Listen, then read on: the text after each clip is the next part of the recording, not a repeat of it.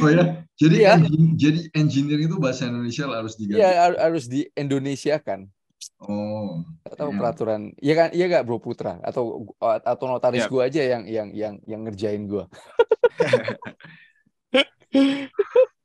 ya jadi perkenalkan diri gua eh, Feli Feli eh, dari Disbis at Spotify.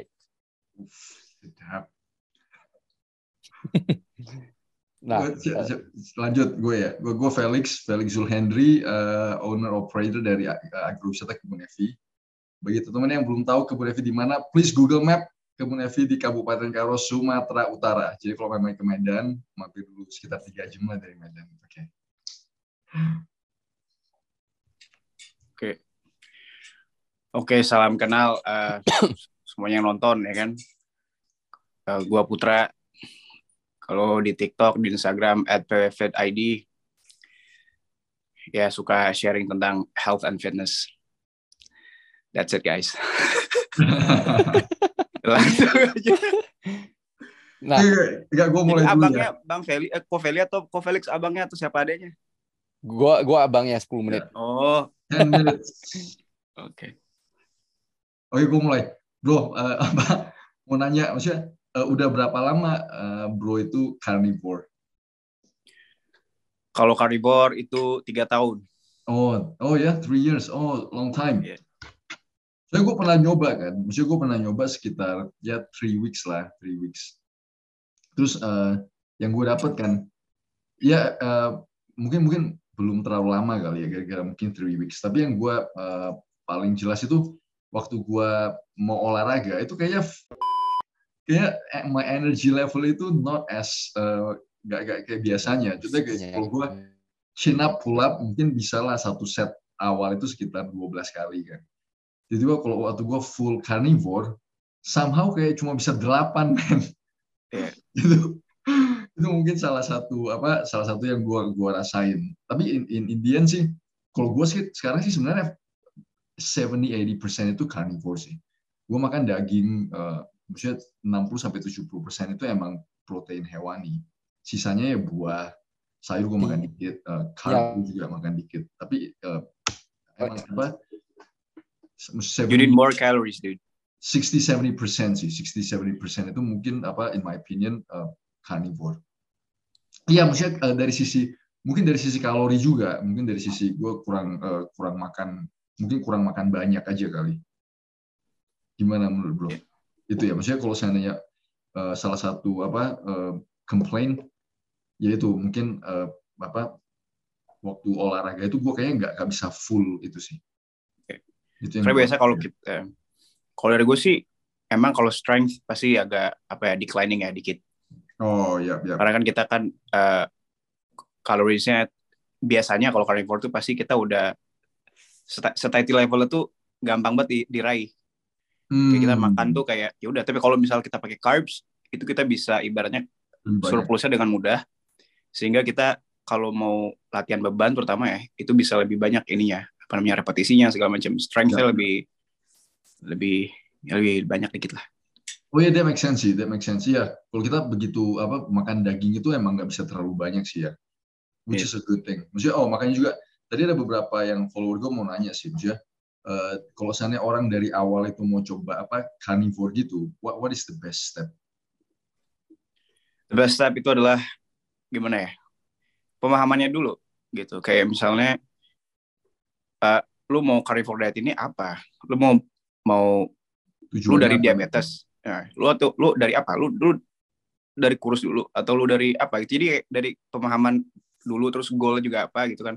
Hmm. kalau emang goalnya tuh buat ibaratnya building muscle ya kita pakai yang apa yang konservatif aja misalnya konvensional ya proteinnya dicukupin terus pakai energi mau energi dari lemak atau dari karbohidrat gitu kan tapi kalau Oh. misalnya goalnya emang clear skin terus juga kita nggak punya masalah pencernaan terus kita kalau habis nge-gym kita nggak nggak butuh yang namanya recovery maksudnya lama-lama gitu karena kalau kita makan carbs itu kan bikin glycation ya di sel-sel Hmm. di protein cells jadi kalau kita habis latihan uh, beban kalau kita masih konsumsi glucose atau carbohydrates itu bakal sakit uh, or- organ apa Oh, otot-otot otot- kita Oh, otot-ototnya ya. Oh, dari Iya. sisi dari sisi itu berasa ya kalau berasa Oh, karena kan kalau ya jadi kalau kita tuh carnivore itu sebenarnya mementingkan ininya apa namanya health-nya dibandingkan sama kayak seberapa berat kita ngangkatnya gitu. Kalau misalnya kita konsumsi karbohidrat, kita walaupun banding kita sakit-sakit, sedih-sedih kita sakit-sakit, tapi at least ego kita terpenuhi lah.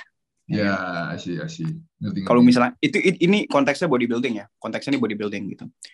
Kalau misalnya mau ngangkat berat gitu-gitu. Ya, ya. Jadi kalau apa uh, uh, tadi tadi tanya apa lagi ya? Um, dari sisi Kalau step awal lah ya berarti ya. Iya, step awal, step awal. Step awal tadi kalau misal, um, kalau misalnya okay. mau build muscle ya tadi kalau mau misalnya berangkat dari latar belakang punya masalah metabolisme uh, awal awal awal awal tuh gitu aja dulu low carb ya dulu kurangin ya, dulu karbonya. betul betul. Ya. Itu sih permasalahan yang paling jelas ya. Maksudnya itu carb sama kayak apa ultra processed snack snack kayak gitu yeah. oh man itu It, paling, itu paling mengerikan itu enggak yeah. orang orang orang sering kali uh, enggak terlalu ekstrim. Terus gue lihat banyak orang yang mungkin uh, apa dia dia criticize carnivore diet atau high protein diet kira-kira dia terlalu ekstrim berubahnya. Hmm itu yang sering kali kayak orang kayak kayak temennya gue ya uh, partner bisnis bisnis partnernya gue kan gue bilang uh, gue udah cut carb udah uh, push up udah jalan sepuluh ribu. Jadi berasa sekali. Sampai partner gue bilang udah berubah sekali badan gue nah yeah. dia orang ikut nih. Tapi uh, ada partnernya gue dia terlalu ekstrim. Jadi gara-gara dia lihat gue jadi jadi semangat begitu begitu pergantian tahun dia katanya dia lari squat jadi nah, besokannya ya, langsung ya, crash. Jadi gue bilang nggak boleh kayak begitu. Kita we wanna make it sustainable. Lu tes dulu lima ribu enam ribu tujuh ribu. Mulai lu cut down carb. Jadi lu progresif. Jangan terlalu ini ini yang bagi pendengar ya. Bagi pendengar yang yang maksudnya uh, kena Bro Putra ini udah jalanin carnivore udah tiga tahun. Jadi badan dia udah udah udah adjust begitu lama. Yes. jadi jangan jangan salah kaprah bahwa oh ya yeah, we have to extreme. Hmm. sesuatu yang ekstrim itu jadi gak sustainable. Pelan-pelan yeah. aja we got time right? We got time. Yeah. kalau ekstrim itu malah badan kita uh, shock. Kayak, kayak partner bisnis partner gue dia pergi squat segala bro. Besok gak ya iyalah ngerti kan? Mas, maksudnya muscle belum ada. Ngerti dari yeah. badan yang yang belum jadi tapi muscle belum ada tapi lu push uh, to the to that level. Pasti sendi-sendi lu sakit master sore, sore ya kan. Yeah. Itu yang yang kayaknya we have to educate uh, maksudnya pendengar itu bahwa jangan terlalu ekstrim. Kayak waktu gua uh, waktu gua apa uh, apa uh, intermittent fasting pun gue coba dari 12 jam naik ke 13 jam naik ke 14 jam naik ke 15 jam right itu sih yeah. itu itu my take ya my take supaya orang nggak nggak salah kaprah yeah. maksudnya benar sih setuju sih karena kan uh -uh. sebenarnya kan pendekatan carnivore ini kan dari awal itu sebelumnya kan namanya kan low carb ketogenic diet. Jadi hmm. sebelum kita ke ngekat bahkan sayur gitu kita cut ya kan bahkan apa buah fructose itu kita cut juga karena kan itu kaitan sama glycation. Jadi glycation dari glucose sama glycation dari fructose ke di protein di tubuh kita tuh itu beda ininya. Kalau fructose itu four times lebih glycating dibandingkan sama glucose. Jadi kalau apa namanya dari awal pun ini tuh juga apa pelan-pelan gitu. Jadi kalau misalnya orang-orang yang mau carnivore diet itu biasanya kalau gue suruh carnivore atau gue saranin carnivore low carb dulu bentar gitu. Seminggu mungkin ya mungkin cut jadi 50 gram per hari karbohidratnya gitu. Naikin dulu hewaninya dulu gitu. Cut dulu proses foodnya segala macam, lingkungannya benerin dulu. Jadi setelah itu setelah lingkungannya bener maksudnya kayak nggak ada apa nggak ada makan makan manis lah maksudnya makan makanan yang Oreo Oreo sih ya. Ya mungkin seminggu sekali nggak masalah tapi maksudnya makanan di proses yang terlalu diproses itu dihilangin dulu gitu cuman karena gue ibaratnya pengen ngedrawing apa yang ngedraw attention ya ya gue bilang aja sayur beracun segala macam jadi langsung langsung ke ujung gitu langsung ke ekstrim ya. karena kalau nggak ah apaan nih nggak ada yang denger ya kan pasti ah apaan nih mbak basic aja gitu aja gitu gitu iya sih gitu. Net, enggak netizen suka sesuatu yang ekstrim, right? emang maksudnya yeah. emang, emang kayak gitu sih. Maksudnya TikTok lihat kemarin gue ngebahas masalah tahu tempe aja. Begitu kok tahu dan tempe langsung kayak oh maksudnya itu maksudnya very extreme. Maksudnya you don't eat uh, tahu tapi tahu sama tempe juga maksudnya kedelai kan? sih ya not good lah. Jesus man. Yeah. itu udah kelihatan sekali. Itu freaking maksudnya ya dari dari Nggak, sisi apa?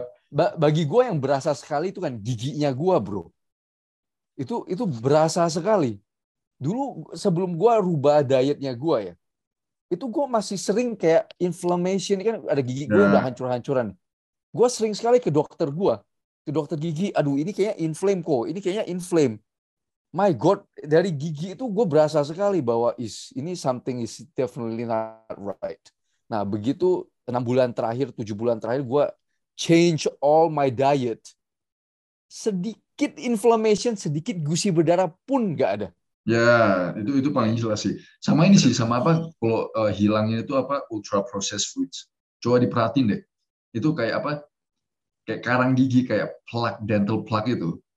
Itu jarang sekali kalau kalau kita kayak kalau gue kayak makan sedikit aja snack atau susu gue banyakin sedikit itu bisa langsung berasa malamnya itu udah langsung dental plaque itu kayak kayak forming penuh maksudnya dari situ kan kelihatan sekali. Berarti cuma cuma dalam satu hari aja lu makan sampah itu plaque itu langsung berasa sekali uh, terbentuknya kan.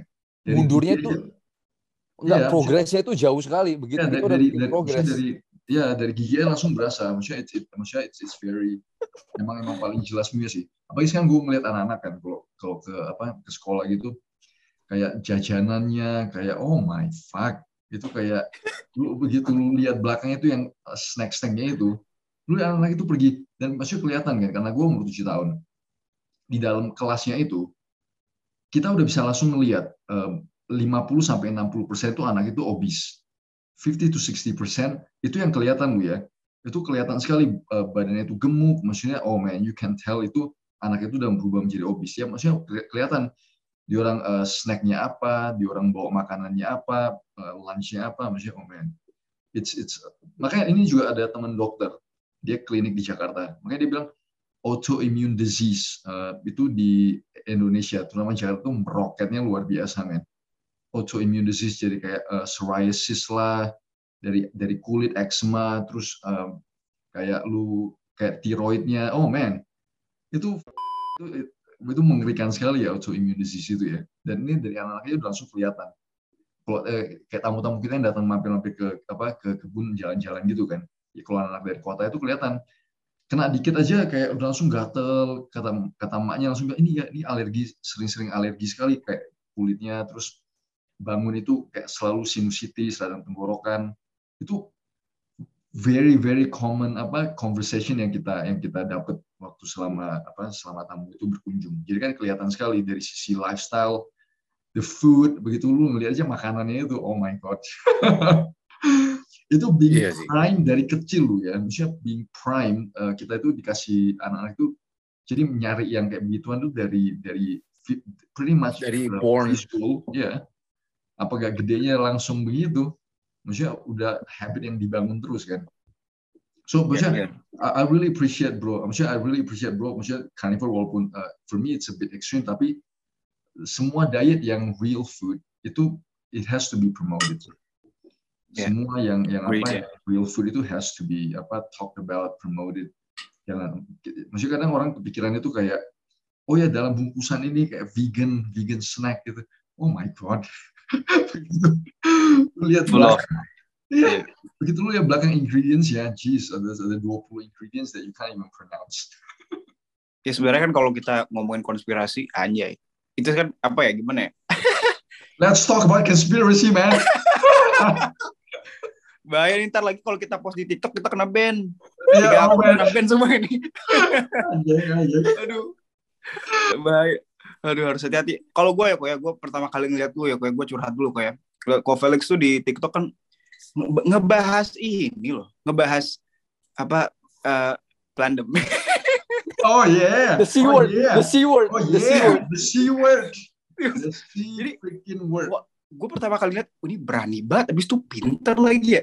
Terus gue, wah.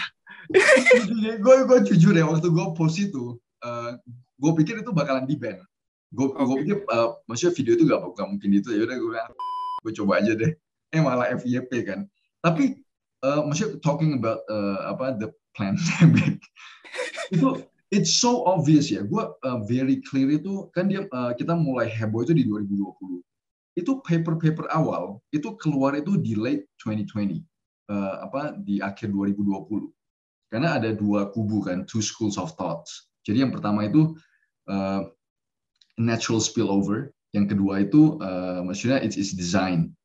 Jadi ada dua paper, satu di Nature, satu lagi di Scientific Reports itu yang paling jelas gue ngeliat di Scientific Reports. Dia, ya, dia, dia tuh uh, ngeliatin kalau bagi gue itu smoking gun sih yang yang Scientific Reports itu. Jadi dia ngebandingin receptor binding domain. Itu receptor binding domain artinya uh, spike protein itu kan, dia kayak begini.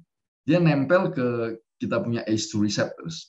Jadi itu kayak ini harus pas loh, ini harus pas. Jadi kan kalau seandainya dia bilang itu keluar dari kelelawar, ya kan? Harusnya receptor binding domain ini ke kelelawar punya ACE2 itu 100%. Ya kan? Ini make sense kalau dia kelelawar. Tapi ini kebalikan, bro. Ini the other way around. Ke manusia 100% ACE2 receptors, lu lihat ke kelelawar itu 72%. Maksudnya how the hell ngerti gak? Dari situ kan udah langsung lihat oh man this is something maksudnya something's wrong.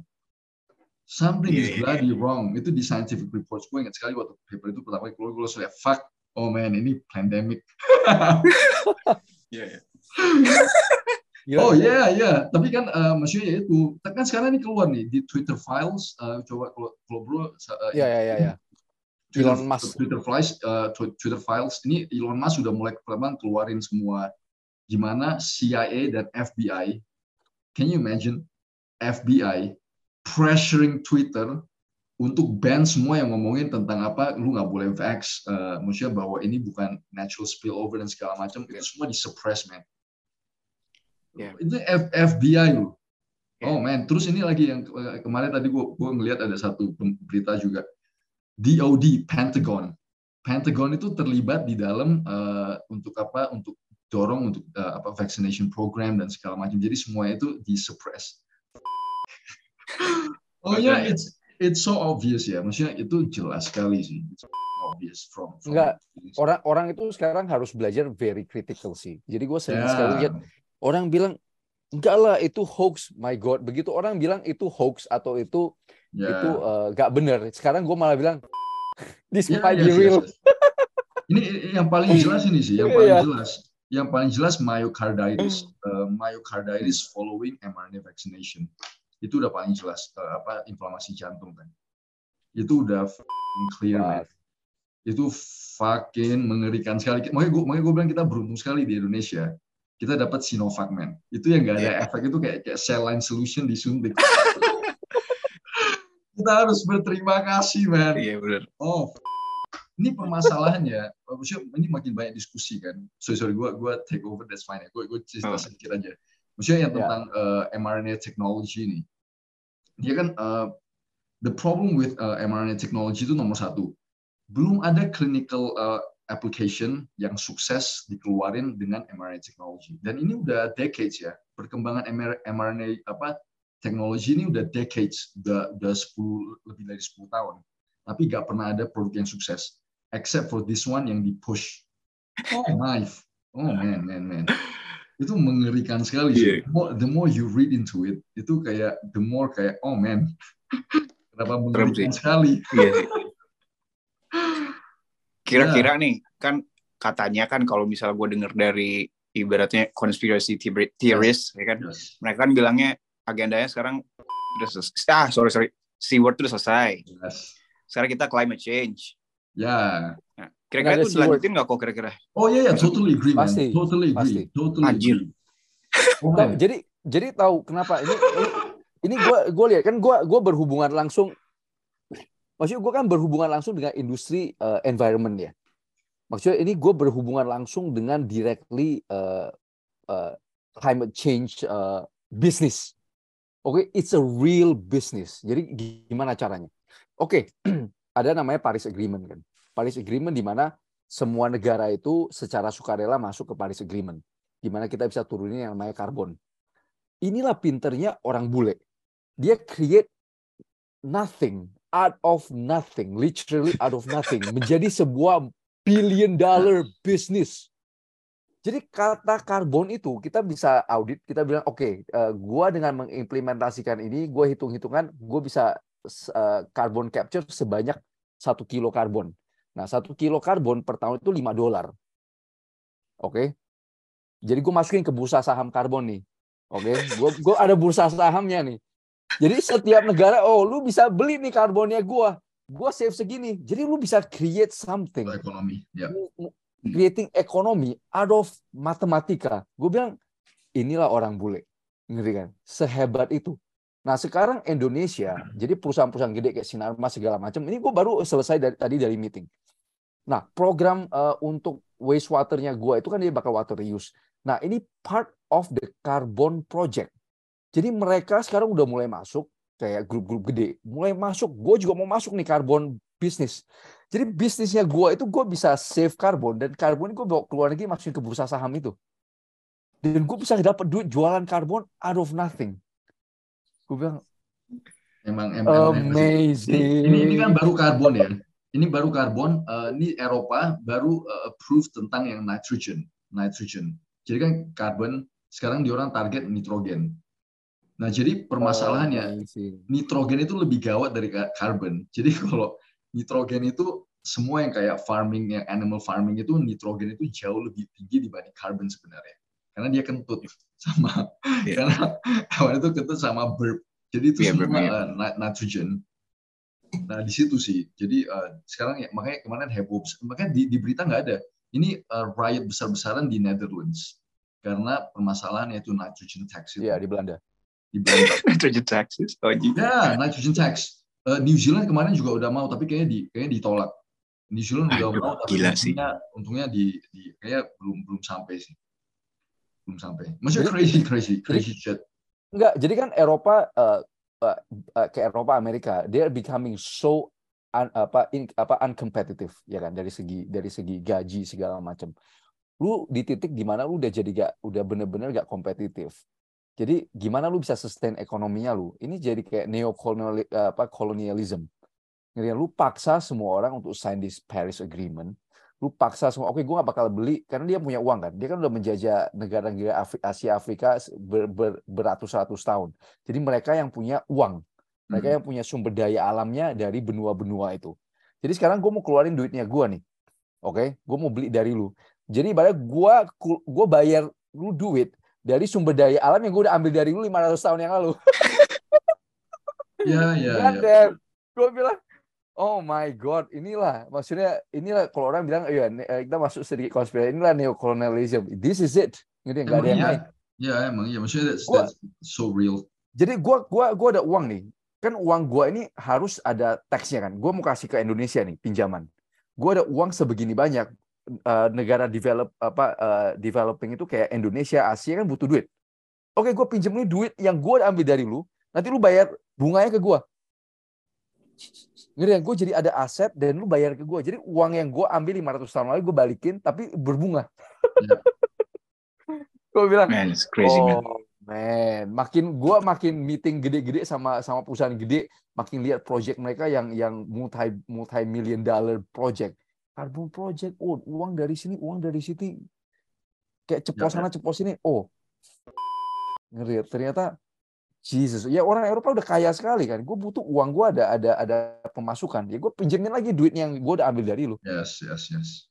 Menurut lu kok apa sih maksudnya yang nyebabin mereka kayak gitu? Apa, apa power atau Maksudnya ya, apa sih? Power. Ya, karena ya, power sih dan to control dan uh, kalau gak kayak begitu rakyat dia bisa jatuh miskin kan. Ya.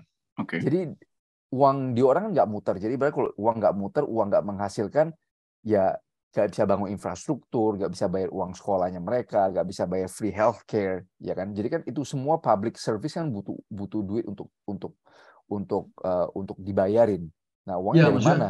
Maksudnya paling jelas dari ini sih, paling jelas di Italia kan, gue ada beberapa teman Italia juga sih waktu di New Zealand. Jadi uh, salah satu permasalahan Italia itu dia jadi gak sangat-sangat gak kompetitif.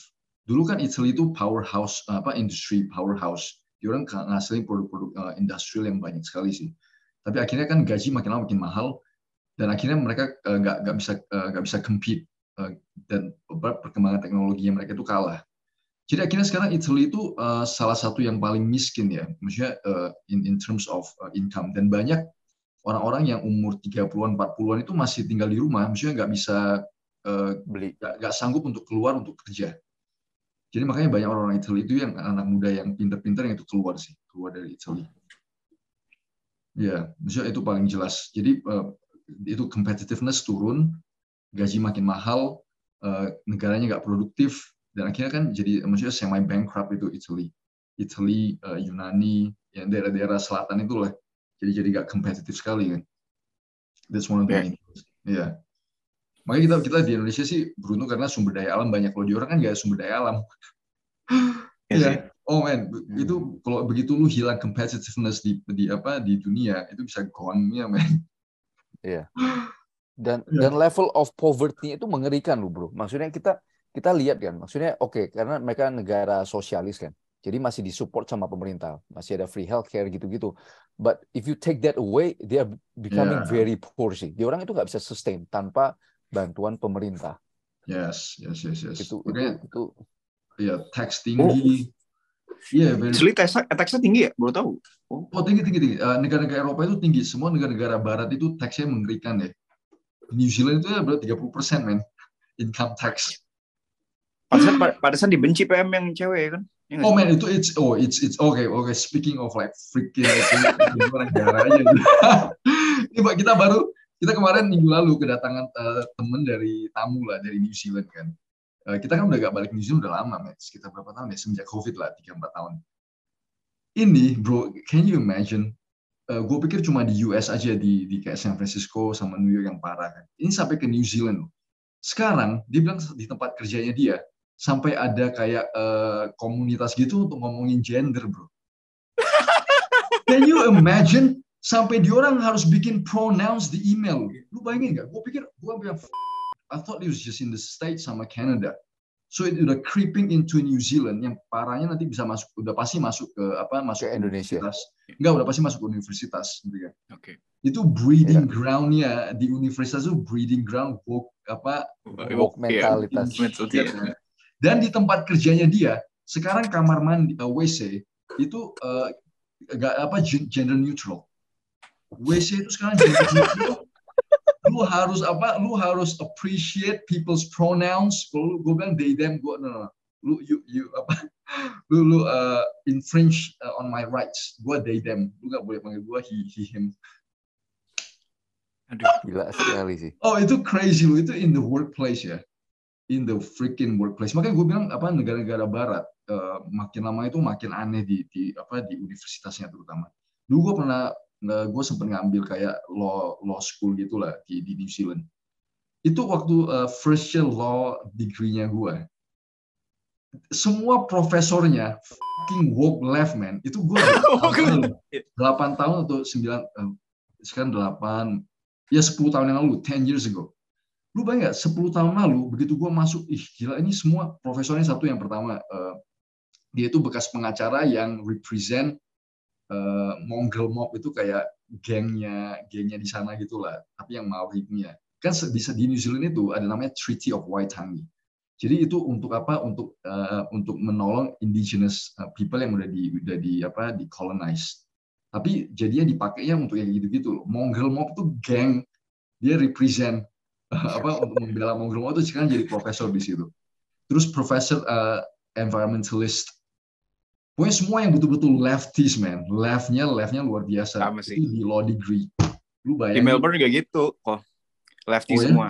Iya, kan gue oh, dulu di, di Melbourne, wah, apa gue dulu kan 2019 kan ke oh, iya. Aussie kan. Itu emang lefty semua. Nggak ada nggak ada yang kita maksudnya yang kita support small government. Waduh, itu mah Yep, yep, yep. Support big government. Jadi kan ya itulah. Makanya gue iya, nggak ya, ngerti juga.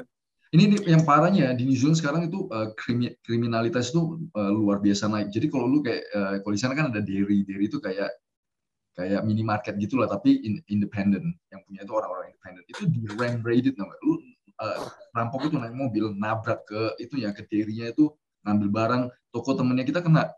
Dia jual cookies. Jadi di ram rated lu naik mobil itu bam hantem diambil. Masalahnya mobilnya juga mobil curian dia dia lu ya, dia telepon polisi lu ya. Dia telepon polisi no response. Dia bilang oh I'm sorry uh, uh, I'm sorry we don't have enough personnel. Sampai dia harus viralin di Instagram baru ada respon. Sama lah sama kayak plus 62 bro. Harus, harus viral dulu baru ada itu. It's the same shit. Makanya gue bilang kalau kita kita kadang bilang kita di Indonesia itu kayak oh komplain komplain di luar sana juga sama men same bloody shit. Kalau gak lu gak viral gak ada respons bukan kalau di kalau di maksudnya kita kan anggap kalau di Indonesia kita gua gua masih bisa sedikit berikan kredit di Indonesia karena populasi kita itu besar sekali kan ya, maksudnya lu gak bisa petty crime tapi kalau kayak negara Amerika di mana lu budgetnya udah udah udah billions ya, in the billions ya. Sedangkan lu gak, gak respon pada saat ada crime, itu bener-bener what the hell. Terus ya, dan, dan maksudnya kalau di tem, uh, kalau di tempatnya gua ya, maksudnya kita kan engineer semua ya. Orang-orang yang yang yang nggak tahu ini ini ini kelihatan sekali. Orang-orang karena testosteron di tempat kerja kita begitu tinggi. Jadi cowok cowok-cowok yang every minute itu gak gak bertahan lama, bro. Oh iya. gua gua maksudnya gua create in such a culture kalau cewek mau masuk ke tempat gue pun bisa tapi itu harus uh, right leaning somehow ya. Somehow ya. Maksudnya dia harus uh, cewek yang yang traditional.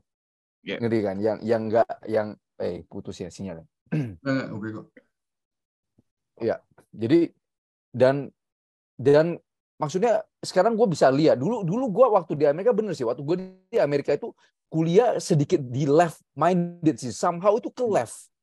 Kita nggak nggak sadar ya gue nggak sadar bahwa gue itu ke left.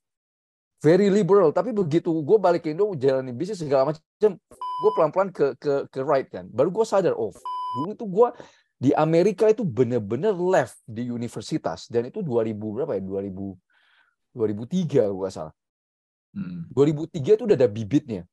Yo, very yeah. left. Yap yap yap. 2003 lu bayangin dan sekarang udah 2021 2000 eh 2023 20 years. Okay. berarti bayangin kayak virus kan kan kan kalau kata yeah, Joe yeah. itu itu main virus. Bayangin yeah, virus kan itu breedingnya itu kan uh, eksponensial ya. Kalau kita God ngomong di Indo kita lebih ke left leaning atau right leaning leaning maksudnya kayak presidennya Indonesia karena mungkin masih religiousnya kuat uh, untungnya ya somehow that's uh, somehow that's that's uh, that's a big advantage uh, agak yeah. susah yang gitu-gitu masuk. Benar, thank, benar. thank goodness sih, thank goodness. Iya karena itu itu very very toxic, sih, very toxic. Enggak ada ada ada satu ada satu kasus kan di universitas apa oh, iya, yang, iya, yang, iya. yang gua gua satu, satu orang gua gender neutral. God damn. Untung untung gua gak ada di situ, habis lagi dibunuh.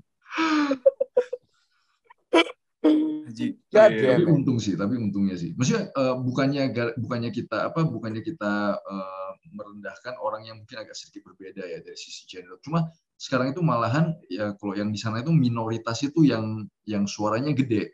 Jadi dia nggak represent uh, majority of what people think, tapi permasalahan dia menekan ide-ide yang uh, apa ekstrim dan minoritas itu ke mayoritas itu sih.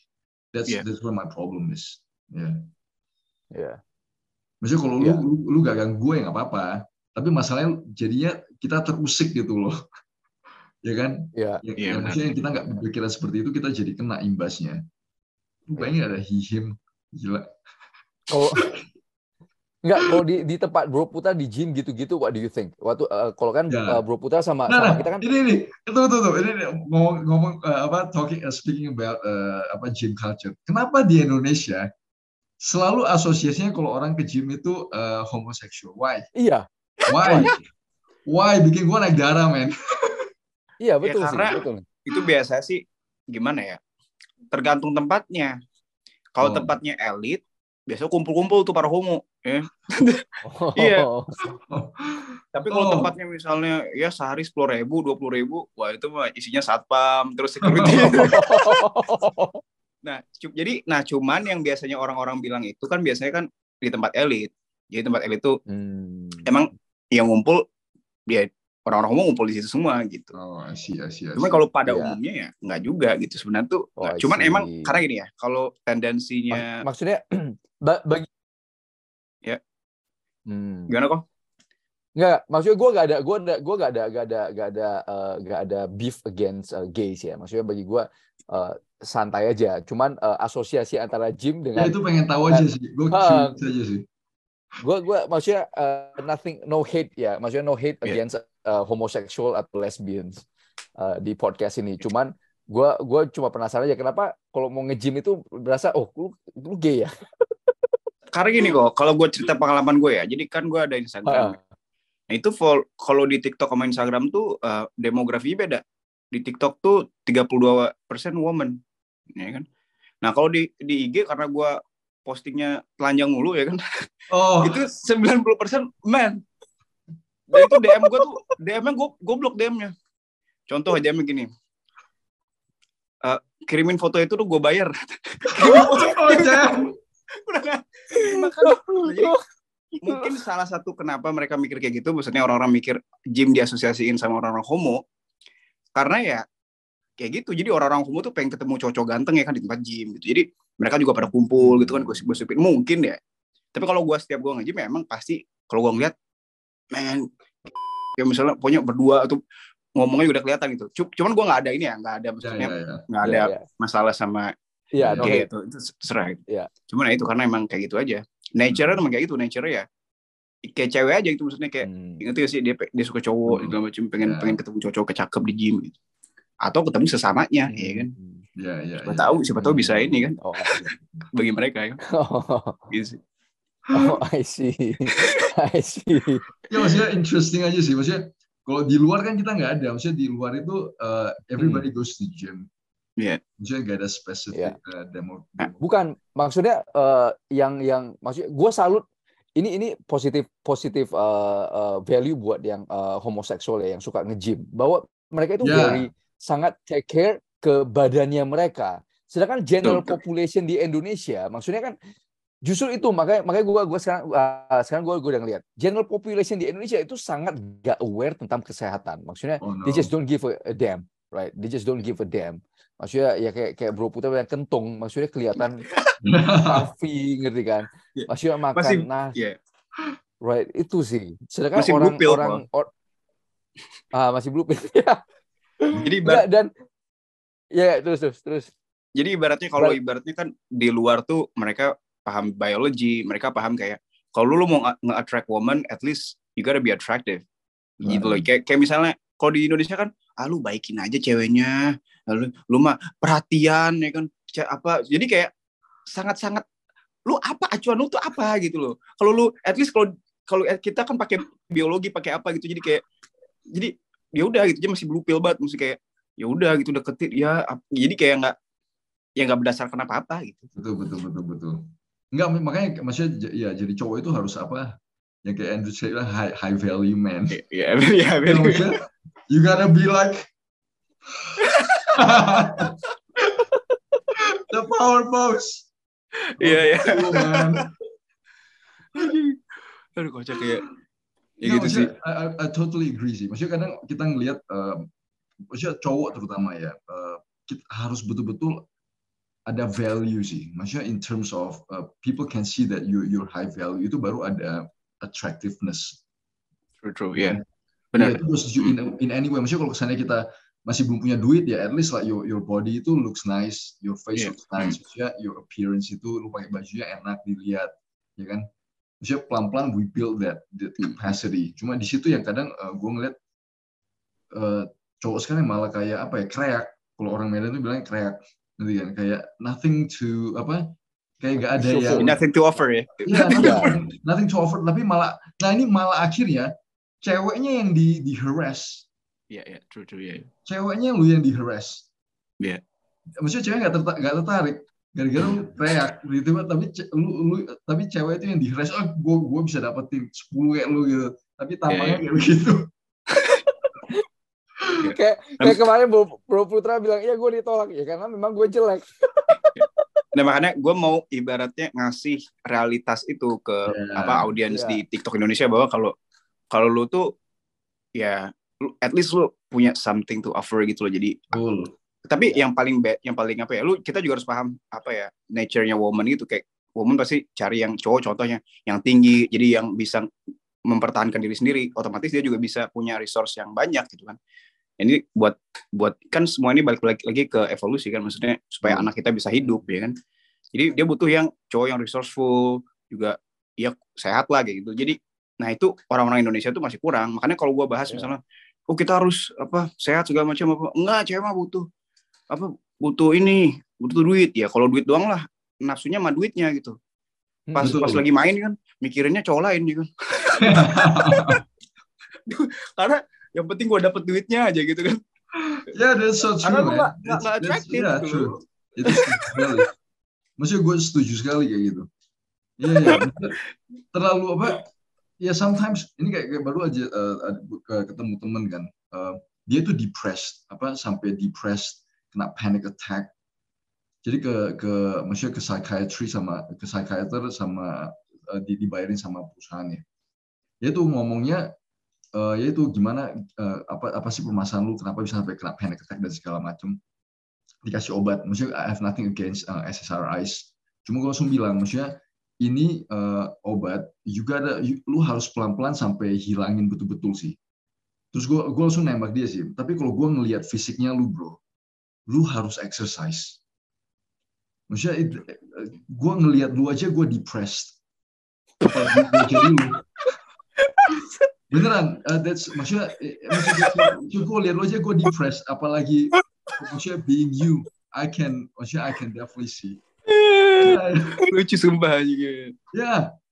yeah, maksudnya itu orang itu sih yang gue bilang orang Indo itu nggak nggak aware sih maksudnya they're not aware of uh, kalau badan lu itu freaking kayak flabby dan maksudnya yeah. you, you eat shit perut lu gede hmm. lu jalannya susah oh man lu lu bayangin nggak kalau orang itu lu nafas aja susah you put yeah. one step maju aja susah apa enggak badan lu itu kayak apa enggak psikis lu itu depressed yeah, true, true. Yeah, as simple as that sih, as simple as that. Makanya, maksudnya, uh, yeah. maksudnya ya itu, maksudnya kalau gue bilang coming, going back to uh, apa carnivore diet, I really appreciate kalau orang-orang yang yang betul-betul uh, apa promote real food, maksudnya lu eat real food, lu makan yeah. beef beef man, Ya, yeah, thank you, kok. Iya. Ya, lu jangan pergi makan impossible burger. Yeah. Impossible burger. Enggak, yeah. dan ya, enggak dan masalahnya kan gue gue lihat ya, maksudnya gue lihat sekarang kan orang maunya instan kan. Oh, yeah. kayak Bro Putra bilang, gue badan gue udah jadi nih, tapi tiga tahun. Sedangkan di orang bilang, gue jalanin setahun aja gak ada, eh, maksudnya gue jalanin sehari aja gak ada yang berubah. They want it instantly. Ngeri ya, dan yeah. dia orang gak, gak lihat, makanya kemarin gue gue sekarang uh, belakangan agak sering go live ya banyak tuh yang nongol komen, kok kalau gue hadapin mid life crisis, uh, quarter life crisis gimana? Bro, lu baru 25 dan lu yeah, udah exactly, ada quarter life crisis. Gue bilang, gue bilang dari hal yang sederhana gue bilang, yeah, lu yeah. dari hal sederhana, you you wake up, you make your bed, lu do the push up, jadi lu set target di hal-hal kecil, lu set target so you, so in your life, jadi kan krisis atau panic attack atau krisis itu kan atau atau stres itu lu ibaratnya lu hilang kontrol terhadap hidupnya lu. Kenapa lu bisa stres? Jadi lu start ya apa gue bilang lu started taking uh, uh, taking control of little things. Jadi lu biasa untuk yeah. take control of little things. Jaga makan lu ya kan, jaga jaga ini lu. Jadi lu mulai take take back the control. Yeah. Lama-lama it will clear the panic. They will clear the uh, crisis. Yeah. Extreme ownership. Ya. Extreme ownership, bener kayak Joko Wiring bilang. Extreme yeah. ownership. Dari hal-hal kecil aja, lu push up. Gue gue kayak gue bener sejak dengar Puputa, gue carnivornya mengerikan sekali bro. Maksudnya gue udah hampir hampir 90 persen. Gue cuma makan uh, a piece of apple sama brokoli, right? Itu itu pun uh, uh, malam sama brokoli uh, segepok. Sisanya udah daging semua. Itu tiga bulan itu bro. Energy level gue sekarang itu Sampai malam biasa kadang gue jam-jam segini gue butuh kopi untuk yeah. function. Gue jam 7 tuh kadang gue butuh kopi. Sekarang gue nggak butuh kopi. Gue nggak butuh teh, nggak butuh kopi. I can function sampai jam 11 with no problem. Gila sih. Yeah. Gila sih. Uh, Pak, uh, ini juga Pak, pertanyaan banyak nanya carnivore. Uh, yeah. Bisa, um, coba uh, Bro Putra jelasin ikan, ayam, uh, yang penting kan beef, daging, telur termasuk carnivore gak? Maksudnya in, in, in masuk, masuk. Oh, ya. Cuman uh, kalau telur itu kan dia ada di putih telur itu ada biotin namanya. Hmm. Biotin tuh kalau nggak dimasak semua basically semua kayak sayur terus juga telur juga kalau nggak dimasak dengan benar-benar mateng nanti masih ada act, apa aktif biotin itu yang ngebind uh, vitamin yang lain. Kok biotin sih apa? Uh, uh, ada pokoknya senyawa dia ngebind biotin vitamin B7. Jadi vitamin oh. B7 atau biotin itu dibind sama yang ada di putih telur apa gitu namanya lupa. Jadi itu ngebind nutri apa nutrien B7 itu atau biotin sehingga ya tadi kita bisa rontok rambutnya itu oh, atau misalnya iya. ya itu rambutnya rontok terus kita ada masalah di, di kulit di kuku gitu. Kalau misalnya kebanyakan. Oke. Okay. Gitu. Hmm. Kalau apa? Uh, kan kebaikan carnivore itu fokus di beef ya. Kebanyakan uh, beef. Oh. Atau enggak? Atau enggak sih. Jadi carnivore oh, itu sebenarnya kan uh, fokusnya di hewani aja. Cuman kenapa di beef? Karena beef itu apa namanya? lemaknya itu paling sehat. Kalau kaki empat itu kalau kalau apa namanya? Kalau kalau babi ya. Babi itu kan dia omega 6-nya tinggi di, di di kulitnya dia di lemak dia. Hmm. Jadi kita itu kenapa beef karena om, rasio omega 3 dan omega 6-nya itu seimbang. Kalau misalnya salmon kan ikan ya emang tinggi omega 3-nya apalagi yang wild caught ya kan. Cuman kan ya kata orang sih kata mereka sih. Ya, ya. kayak ada apa itu namanya tuh yang udah terkontaminasi ininya lautnya sama merkuri segala macam enggak banyak ya banyak banyak antibiotik juga salmon farm enggak, enggak kalau kalau apa farm salmon itu sebenarnya antibiotik use-nya itu mengerikan ya. Iya. Maksudnya farm salmon maksudnya kita kita di Indonesia itu nggak mungkin dapat wild caught salmon. Itu iya sih. No. pasti kalau kita makan salmon itu pasti farm raised. Itu yeah. antibiotik itu cheese bro di yeah Kok gua aja di di Melbourne aja nyari wildcard susah banget sumpah. Oh my god, yeah. susah susah. That's yeah. Enggak hal yang enggak iya. oh man, impossible. Apa dimarahin gua sama pedagangnya? Kan gua ke Queen Victoria Market kan. Oh, gua iya. nanya kayak lu punya ini enggak wildcard enggak? Enggak, kita semua pokoknya farm salmon di sini. Buset. Hmm. Lu Aussie aja enggak ada gitu apalagi Indo makanya. Iya iya enggak ada gitu. Dan maksudnya kayak, kayak Australia, New Zealand itu, oh New Zealand ada New Zealand salmon, uh, tapi okay. dia dia pasti uh, uh, farm raised Iya. Nice, ya. Jarang sekali yeah. lah yang wild caught, man. Ya, jadi gitu. Makanya beef itu kenapa tadi kaitannya sama omega 3 dan omega 6. Tujuannya apa? Tujuannya kalau kita berjemur, kulit kita nggak nggak ini nggak ke inflame, nggak nggak gampang sunburn. Hmm. Kan itu. Jadi kalau ketinggian omega 3 biasanya kan itu dari sunflower sunflower oil atau seed oils gitu. Jadi itu yang terakumulasi di sel kita, di sel di sel-sel di kulit kita kalau ketinggian omega 3.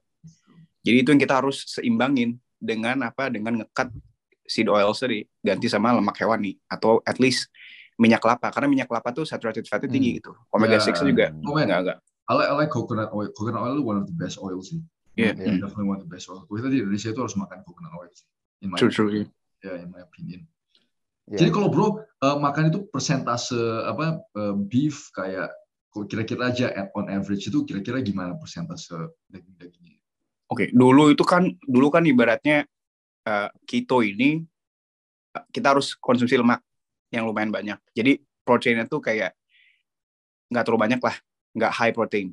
Nah sekarang tuh udah khusus lagi karena ternyata lemak itu nggak dibutuhin terlalu banyak gitu loh. Lemak tuh ya secukupnya aja. Yang kita butuhin adalah proteinnya itu. Jadi kalau misalnya gue komposisinya ya jadi contoh aja beli daging, daging giling gitu ya contohnya. Itu beli yang kadar lemaknya 15%. Sehingga nanti kalau dimasak satu kilo nih, total kalorinya itu 60% atau 70% protein, 30% lemak. Gitu. Jadi protein itu buat ngeganti semua sel tubuh gua, lemak itu buat hormone regulation, buat hmm. juga proses vitamin yang fat soluble vitamins, sama buat energi. Ya, yeah, sama buat ya, ya, uh, totally yeah. Ini ini juga apa uh, banyak sekali yang salah kaprah sih. Maksudnya pasti bro juga ditanyain banyak sekali jadi kolesterol gimana? Ah, itu dia. Oh, jadi kolesterol itu oh itu Mereka aja nggak paham kolesterol kolesterol apa, apa sih lu ngomong-ngomong kolesterol kolesterol ya, itu kayak ya. tapi itu itu uh, ini juga kalau kita ngomong going back to conspiracy ini juga freaking conspiracy sebenarnya classroom ya yeah. yeah freaking conspiracy jadi ceritanya itu uh, Harvard researchers medical researchers itu dibayar sama sugar lobby industry untuk publish yeah. uh, satu kayak opinion piece itu bahwa ngelink ini cuma opinion piece loh ya gue ada paper cuma opinion piece yang ngelink bahwa oh ya uh, cardiovascular risk itu gara-gara uh, makan lemak fat God damn man. Yeah. Itu maksudnya yeah. makanya kalau kita baca apa baca papers juga karena kita harus tahu uh, sejarahnya sih. Jangan siap, kira siap. kalau scientific papers itu oh ya yeah, everything's right Jesus no. Iya, yeah, benar benar. Iya, yeah, yeah, maksudnya too many, maksudnya terlalu banyak sekali there's just too many shits juga di dalam apa uh, scientific papers. Iya. Yeah.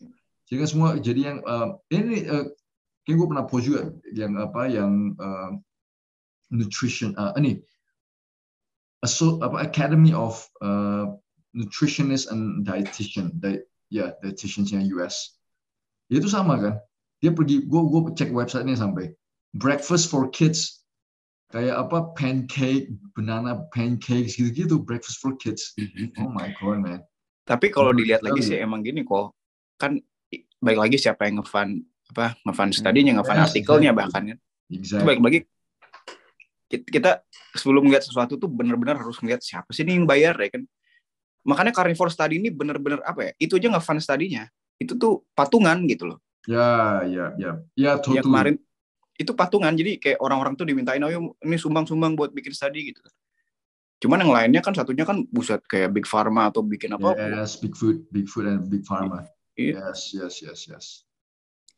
Dan itu kenapa kenapa yang kayak Bill Gates ya kenapa di orang uh, sekarang masuk ke Impossible Burger semua protein-protein ke ke ini yang gue masih belum sempat baca sih. Kenapa sekarang malah dia pakai mau hilangin uh, peternakan-peternakan sapi dan mau convert jadi jadi protein uh, soy. Soy. Because it's easy. Iya, yeah, setuju banget. Begitu gampang. Begitu gampang lu pergi uh, tanam ribuan hektar punya soy itu disembel glyphosate dan dan deal. Langsung lu uh, produksi massive amount. Ya soy. Tapi stoknya turun terus. Kenapa?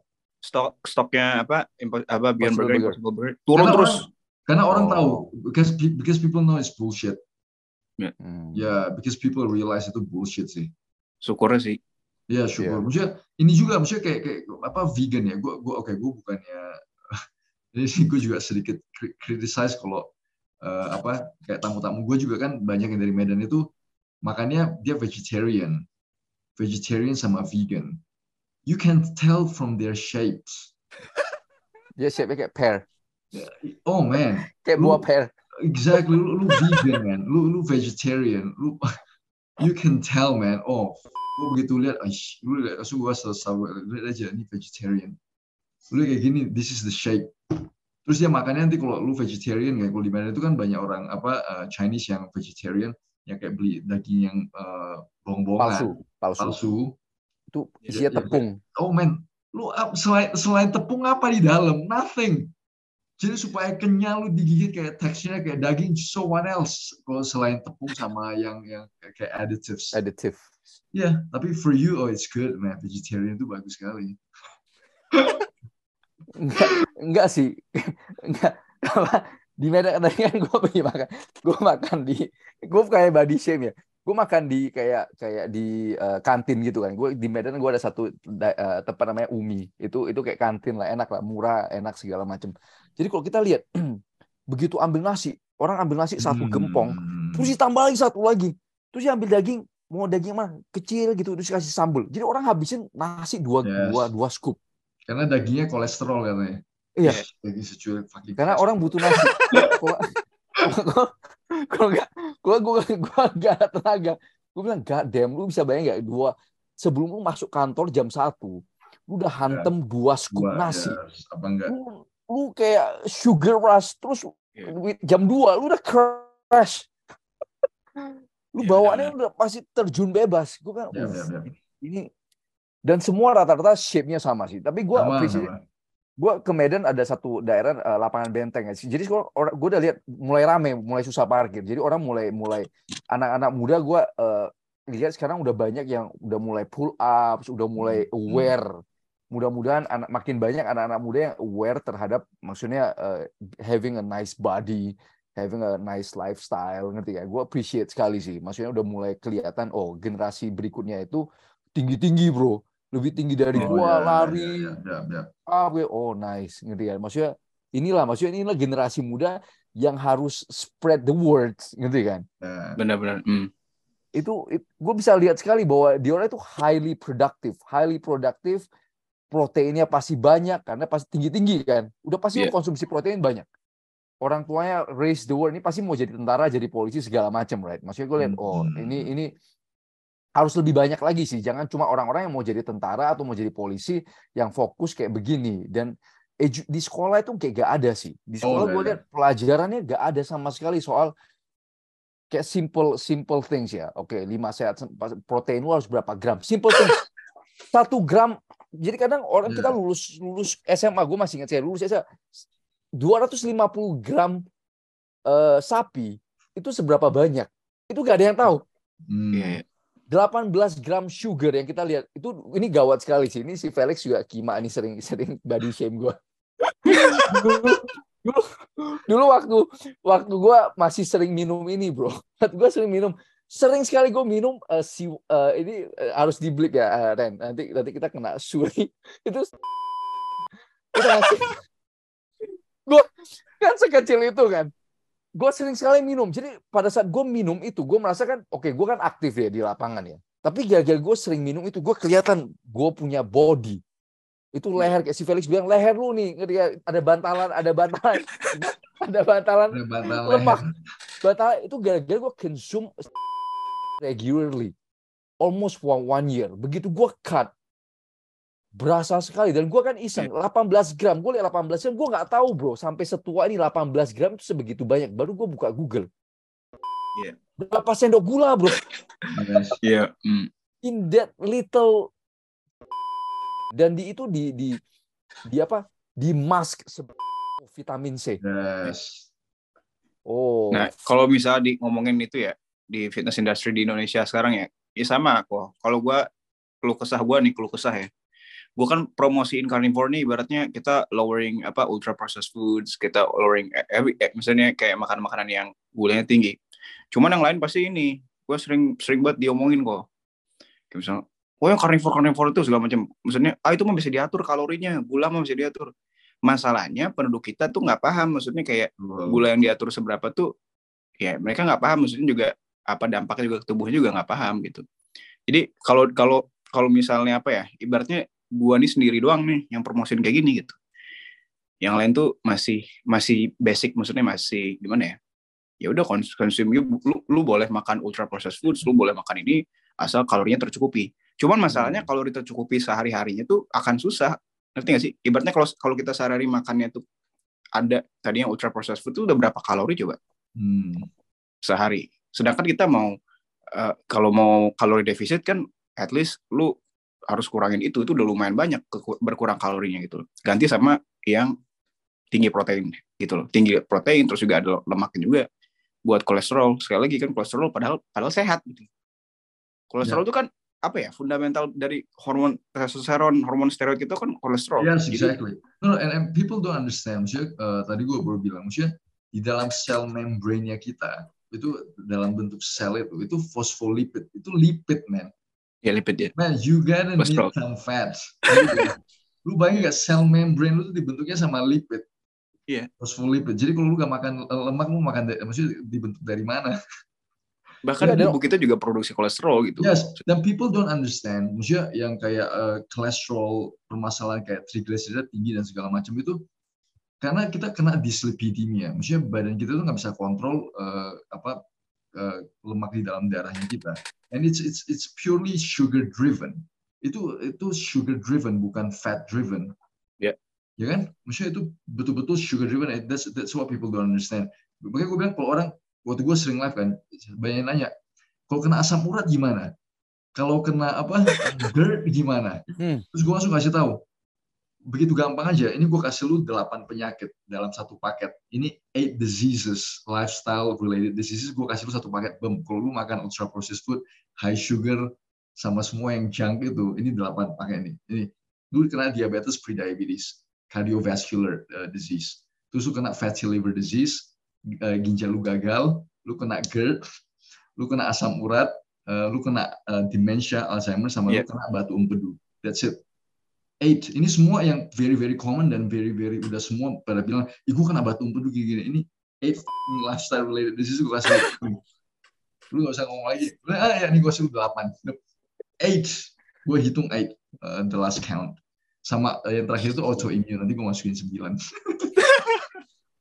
Ya, yes, autoimmune. Itu autoimmune. Oh man. Itu udah fucking maksudnya orang nggak nggak sadar loh. Ini kayak maksudnya little little studies ya. Maksudnya kayak kita ngelihat dari emulsifiers. Kalau lu makan kayak di, di package itu ada emulsifiers terus apa food synthetic food tolerance. Yang emulsifiers yang gue baru sadar ternyata separah itu.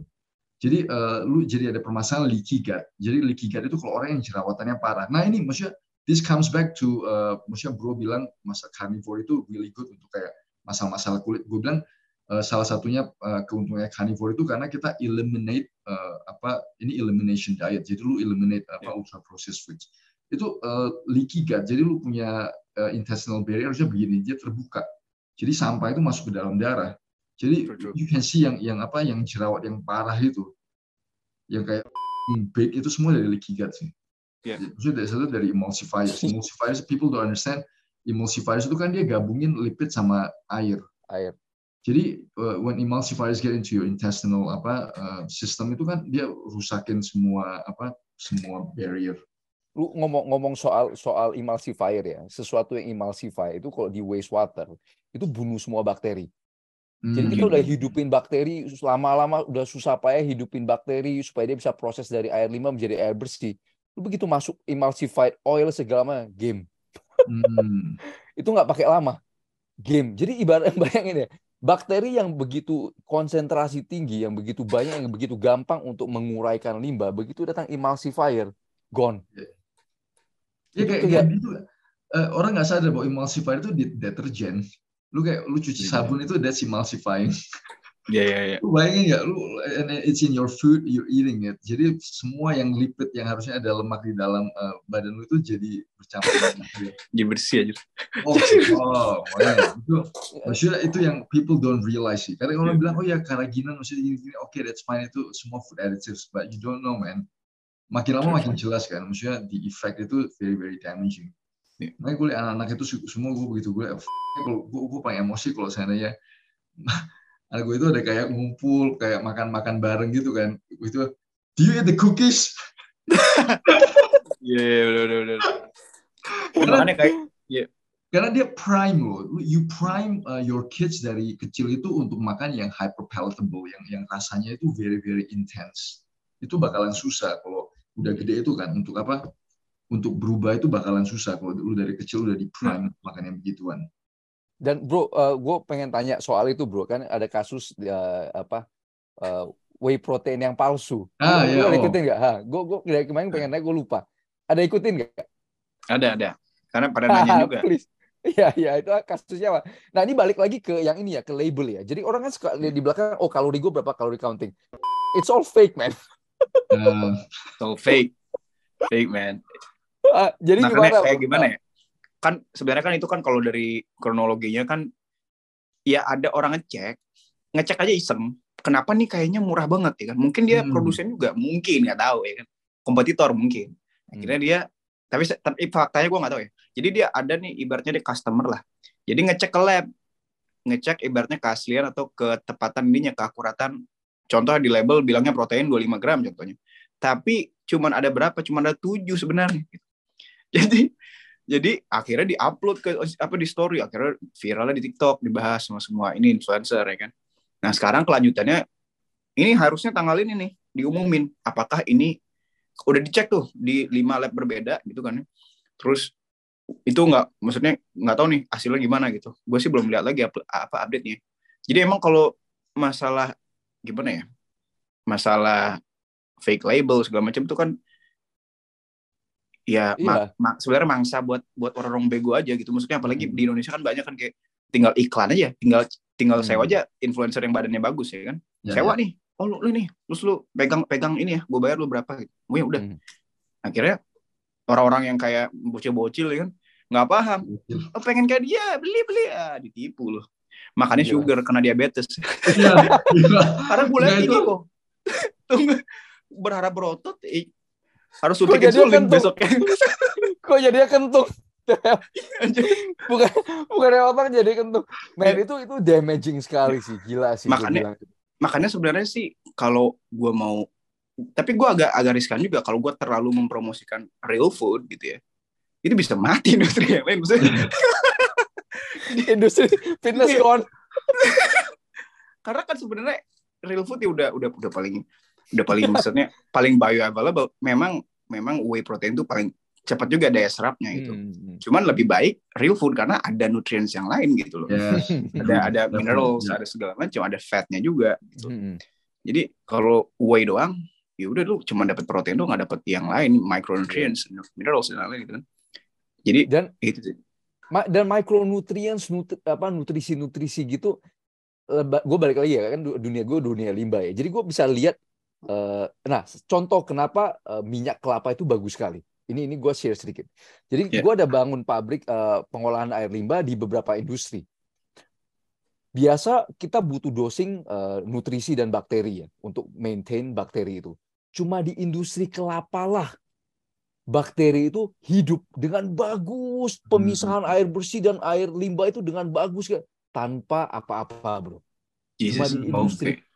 Cuma di industri kelapa lah yang benar-benar semua proses air limbah itu tiga-tiga pabrik itu tanpa ada isu oh, iya. without yeah. any nutrisi kenapa ya ya itu berarti memang kelapa itu benar-benar bagus sekali Oke. Okay, okay. of nutrient sama segala macam. Gue udah ke uh, yang daging dan segala macam balik lagi ke minyak kelapa ya. Why?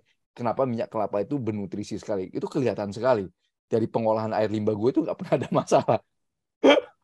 dan bakteri yeah, itu yeah. thriving, itu thriving sekali thriving, tanpa yeah. Is gila sekali sih.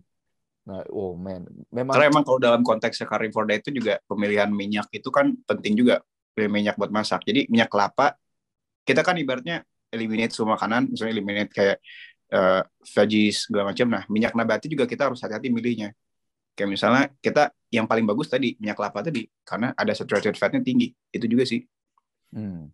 Karena nggak diproses juga nggak diproses kayak misalnya highly process kayak misalnya di apa namanya tuh sampai dikasih ini. Kalau di minyak-minyak yang biasa kan sebenarnya kan bau. Terus ada namanya deodorization. Jadi kayak yeah. di, dihilangin baunya. Gitu. Jadi yeah. jadi kalau minyak kelapa nggak perlu gitu. Betul. Kelapa cold press saja dia udah keluar minyak.